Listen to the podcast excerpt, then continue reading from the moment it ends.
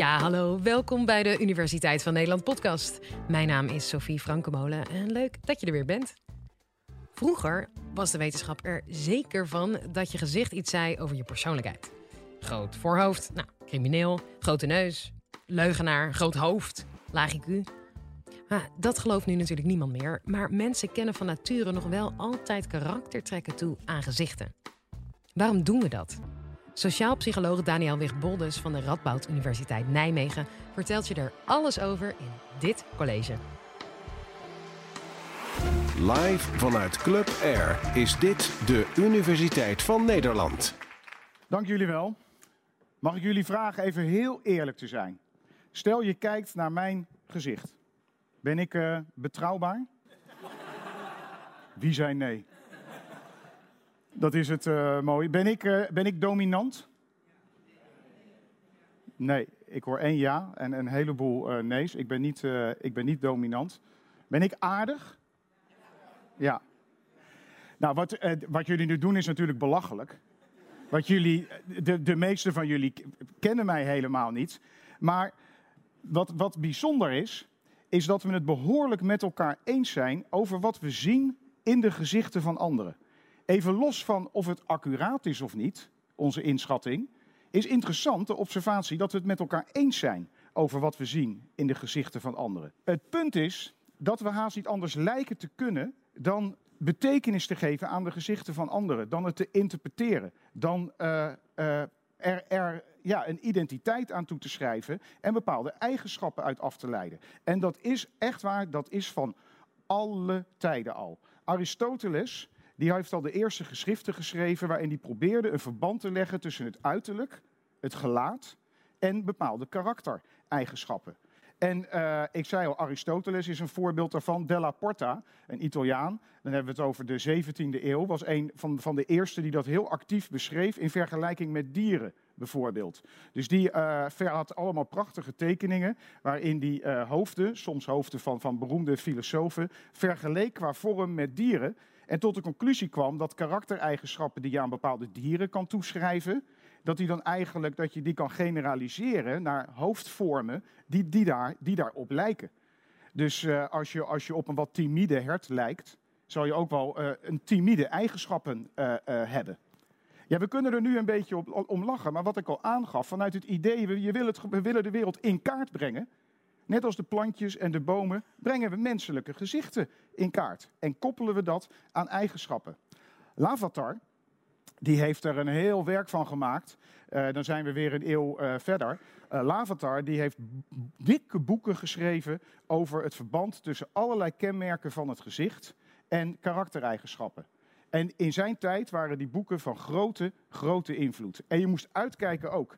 Ik heb hier een mooie quote uit een van de geschriften van uh, Lavatar, waar uh, hij over uh, vrouwen bijvoorbeeld zegt. Een vrouw met een zeer concave neuswortel en iets wat vooruitstekende hoektanden zal, niet tegenstaande haar lelijkheid en onaantrekkelijkheid, eerder gemakkelijker en onweerstaanbaarder een hele kudde gemene wellustige, gemene wellustige verleiden dan een volmaakte schoonheid dat kan. De slechtste prostituees die voor het gerechtshof geleid werden, voldeden altijd aan deze omschrijving. Dus de concave neus en de hoektanden. Mijd ze als de pest en zorg ervoor niet met hen in contact te komen.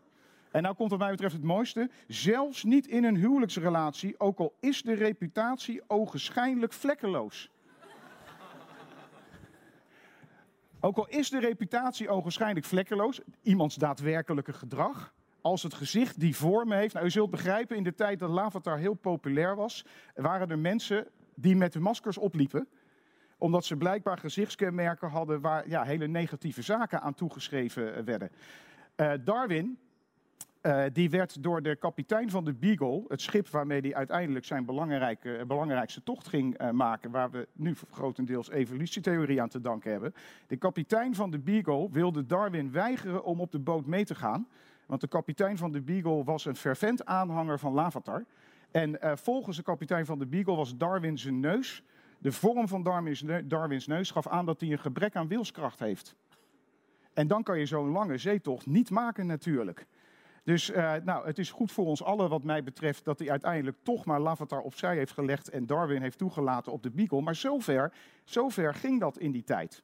En de, de ideeën daarachter, die, die waren ook voor een deel in Darwins evolutieleer en de ideeën die daaruit voortkwamen, waren die gestoeld.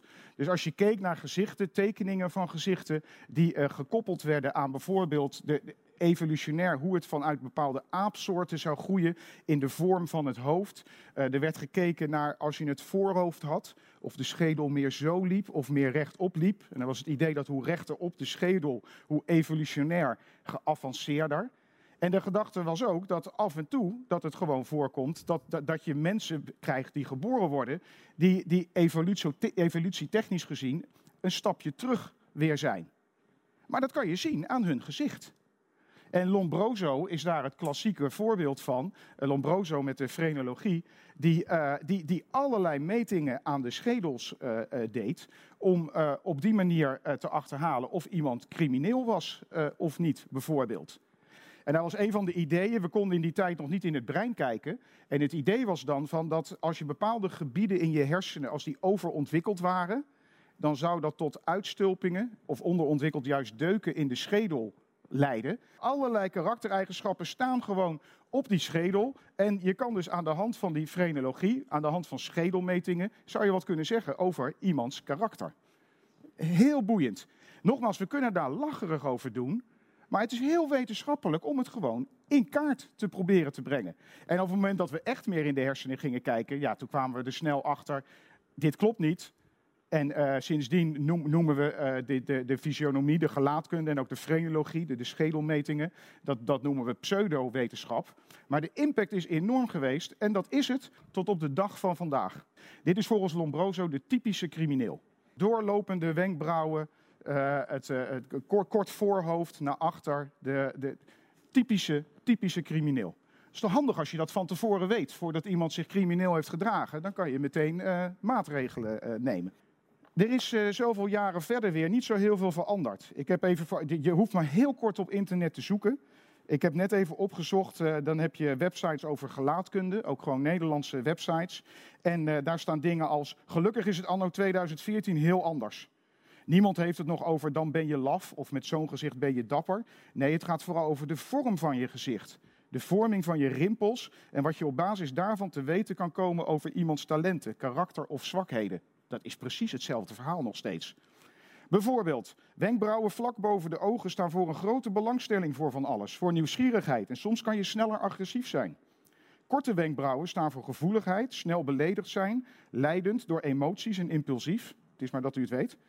Wenkbrauwen naar beneden krullend staan voor negatieve gedachten en weinig enthousiasme. Lange wenkbrauwen staan voor een piekeraar, familiemens en onzekerheid. Een gebrek aan wenkbrauwen, zoals bij mij, eh, eh, dat vermeldt eh, de historie niet. Maar zo is er ook een hele toelichting over ogen, over de neus enzovoort. En dit soort websites, je kan cursussen kopen enzovoort. Het is nog steeds hedendaagse frenologie. Er zijn bedrijven die doen analyse op Facebook-foto's enzovoort. Om een idee te krijgen van mensen hun persoonlijkheid. Nou, het probleem is. We weten inmiddels dat we dus van alles denken te herkennen in gezichten. Maar het is, het is helemaal niet accuraat. Het klopt helemaal niet. Het blijkt niet te kloppen. En sommige mensen hebben inderdaad misschien een dominanter gezicht. En stel dat dat ook gekoppeld is aan een dominante persoonlijkheid, dan is ook nog het probleem: wat is nou de kip en wat is het ei? Stel, moet u even met dit gedachte-experiment met mij meedoen. Stel, je wordt geboren met hele dominante gelaatstrekken. Scherpe kaaklijn, zeg maar het omgekeerde van mijn uh, gezicht. En, en je gaat met een aantal jongens ben je aan het knikkeren. En op een gegeven moment gaat er iets mis en er moet een besluit genomen worden. En iedereen kijkt naar het jongetje met de dominante gelaatstrekken. Want die heeft dominante gelaatstrekken. Nou, die zal op grond daarvan gaan handelen. Zich dominant opstellen. En als dat maar keer op keer in je leven gebeurt, dat wordt een self-fulfilling prophecy. Die wordt vanzelf ook dominant, omdat die benaderd wordt als dominant. Als je een gezicht hebt wat hulpeloosheid uitstraalt en iedereen benadert jou op die manier de hele tijd, daar word je misschien ook wel hulpeloos van. Het is heel moeilijk om vast te stellen, als er een verband is, wat uh, de kip en wat het ei is. Nou, wat halen we nu uit zo'n gezicht? Ik geef dat voorbeeld van dominantie niet uh, voor niks. Uh, Leslie Zibrowitz heeft heel veel onderzoek gedaan naar gezichten die overeenkomsten vertonen met babyfaceness. Nu hebben we het meer over mijn gezicht, zeg maar. Nou, dat blijkt van invloed te zijn op wat voor eigenschappen we aan zo'n foto toeschrijven. Dat gaat heel ver als je erover nadenkt. Je zal maar met het ene of het andere gezicht geboren worden. De evolutionaire verklaring daar weer achter is dat het is voor ons zo belangrijk, babygezichten, en de hulpeloosheid van een kind en dat we het kind herkennen enzovoort, dat lijken we wat te overgeneraliseren naar het gezicht toe. Nou, die dominantie is één element daarin. Een uh, tweede element is betrouwbaarheid. En mijn uh, collega van mij, Alexander Todorov uit, uh, van Princeton University, die heeft heel mooi onderzoek gedaan waarbij hij filmpjes gecreëerd heeft om een in beeld te krijgen wat wij nou zien als een betrouwbaar gezicht. En wat hij dan doet, is hij heeft heel veel computergegenereerde gezichten gemaakt. En al die gezichten laat hij beoordelen door proefpersonen op hoe betrouwbaar vind je dit gezicht. Hoe betrouwbaar vind je dit gezicht? Hoe betrouwbaar vind je dit gezicht? En dan kan je op een gegeven moment een filmpje gaan creëren van wat maakt de veranderingen in een gezicht nu meer betrouwbaar of wat maakt het meer onbetrouwbaar. En ik weet niet of u het ziet, maar hier gaan we dus langzamerhand de betrouwbare kant op. Dan komt de glimlach tevoorschijn, grote ogen. En als we de onbetrouwbare kant op gaan, oeh, hier is de betrouwbare. En de onbetrouwbare kant op, dan zie je Voelt u het? Nou, wat dus bijzonder is, we zijn het heel erg met elkaar eens over hoe een betrouwbaar gezicht eruit ziet. Hoe een dominant gezicht eruit ziet. Hoe een meer submissief, submissief gezicht uh, eruit ziet. Maar dat blijkt eigenlijk heel weinig te zeggen over hoe iemand daadwerkelijk is.